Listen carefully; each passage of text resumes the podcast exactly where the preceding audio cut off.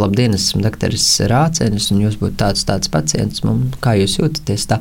Viņš tāpēc tāds, jā, jā, doktor, es jūs zinu, es jūs esmu jau visur redzējis, bet, zinat, mēs jūs visi pilnībā atbalstam. Tā Kārlis Rācenis, jauno ārstu asociācijas vadītājs, kad saku, ka pēdējā laikā jo īpaši saistībā ar mediķu protestiem kļuvis par tādu kā mediju zvaigzni. Atbilde Darbā cenšas nerunāt par valstī notiekošo, ja vien kāds īpaši nejautā. Šis gads rādījis, ka atbildīgie neīsteno iepriekš noteikto likumu, nepiešķir sākotnēji plānoto naudu veselības aprūpei, norāda Kārlis Rācenis. Tas man liekas ir lielākais notikums, kas šogad ir iezīmējis, diemžēl, veselības aprūpē. Ļoti žēl, ka tas ir negatīvs notikums, bet nu, tā tas ir sanācis. Patiesībā mēs šeit visi cīnāmies Nevis par savām algām, bet par veselības aprūpi Latvijā. Šo valsts lietu tādā uh, vīzē viņš man ir īpašs. Jo skaidrs, ka es neko tādu negaidīju un nebiju domājis, ka man vajadzēs piedalīties un organizēt protesta akcijas par šādām lietām. Un, uh, tas varbūt to gadu ir padarījis īpašāku.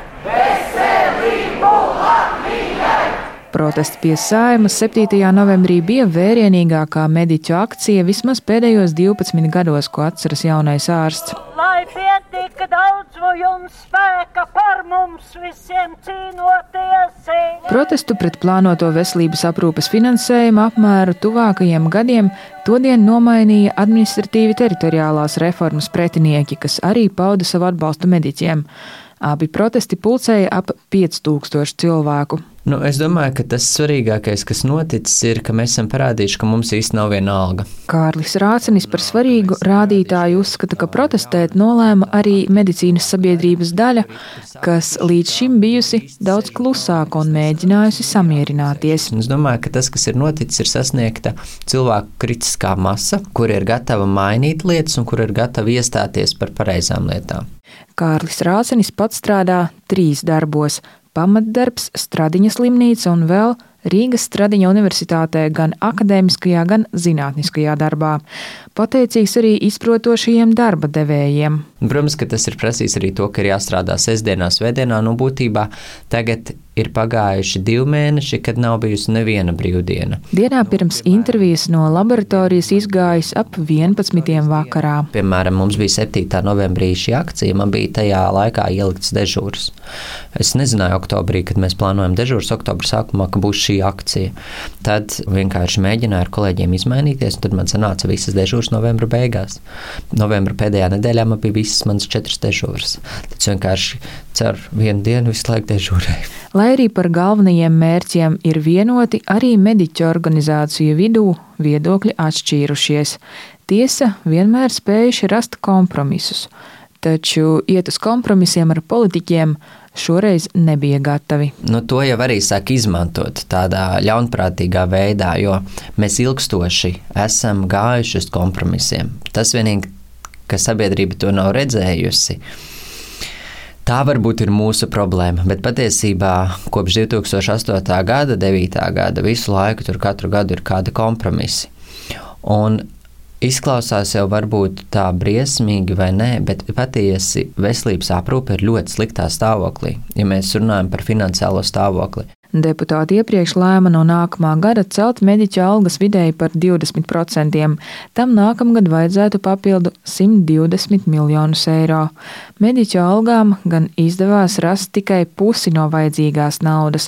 Rezidentiem šogad alga uz papīra ir 950 eiro par slodzi. Nākamā gadā ministru kabinets kopā ar veselības ministriju izveidoja sistēmu, kas paredz visiem palielināt atalgojumu par 10%, bet rezidentiem palielināt par 20%. Pieredzējušākiem rezidentiem atalgojums būs par 10% lielāks nekā jaunāko gadu rezidentiem. To nedrīkst darīt, nesamērojot ar citām kategorijām.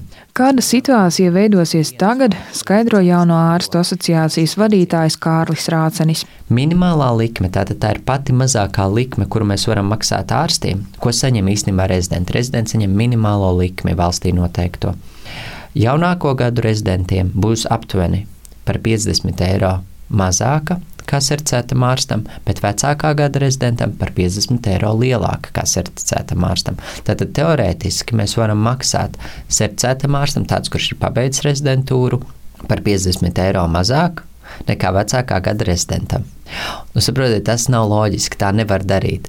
Jautāju, praksē taču tā nebūs. Nu, es jums varu pateikt, tāpēc, ka es esmu arī certificēts ārsts un šī ir mana otrā rezidentūra.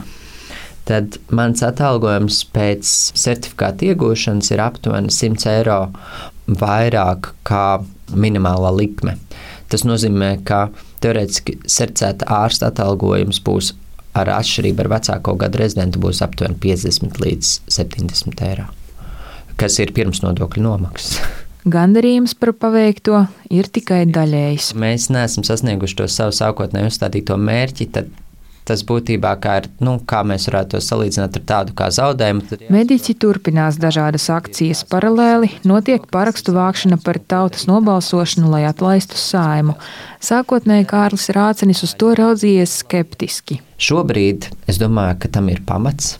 Un redzot arvien vairāk, kādā veidā notiek politiskie procesi Latvijā, dzirdot, diskutējot, uzklausot redzot arī to, ka mūsu darbība nekādā veidā netiek sadzirdēta, tad rodas jautājums, vai patiešām nav jābūt kaut kādam mehānismam, kā saimnes deputātam būtu jābūt atbildīgam par lēmumiem, kurus viņš pieņem. Mediķu organizācijas pirmās pieļāva parakstu vākšanu par saimas atlaišanu, tomēr vēlāk par to sāka aģitēt ar mediķiem maz saistīti cilvēki. Vai viņi tur diži atbalsta mediķus, es stipri šaubos. Vienkārši viņi redz, ka brauc zirgs ar lieliem ratiem, ielec tajos ratos un te brauc līdzi. Nesot jau svarīgi, kas parakstu vākšanu inicijējis, bet gan doma, kādēļ cilvēki parakstījušies, uzskata Kārlis Rācenis. Lēmumus katram jāpieņem patstāvīgi. Vai jūs jau parakstījāties? Nē, es vēl neesmu parakstījies. Es tomēr vēl gribu redzēt, kas notiks šajā politiskajā situācijā, mums ir dots laiks. Un, uh, nu, jau dažas nedēļas atpakaļ esmu sapratis, ka šis būs vienkārši garš process, patiesībā man ir dots laiks gadu ko domāt, vai parakstīties vai neparakstīties. Nu, mazliet mazāk tagad ir palicis par gadu, jo šīs balsu vākšanas process aptuveni vienu gadu ilgst. Jaunais ārsts arī norāda, ka veselības nozare nedrīkst būt prioritāte tikai priekšvēlēšanu kampaņās vai runās. Kārlis Rācenis cer, ka mediķi parādījuši, ka viņiem nav viena auga un vismaz pēc vairākiem gadiem sistēmu izdosies uzlabot. Anija Petrova, Latvijas radio.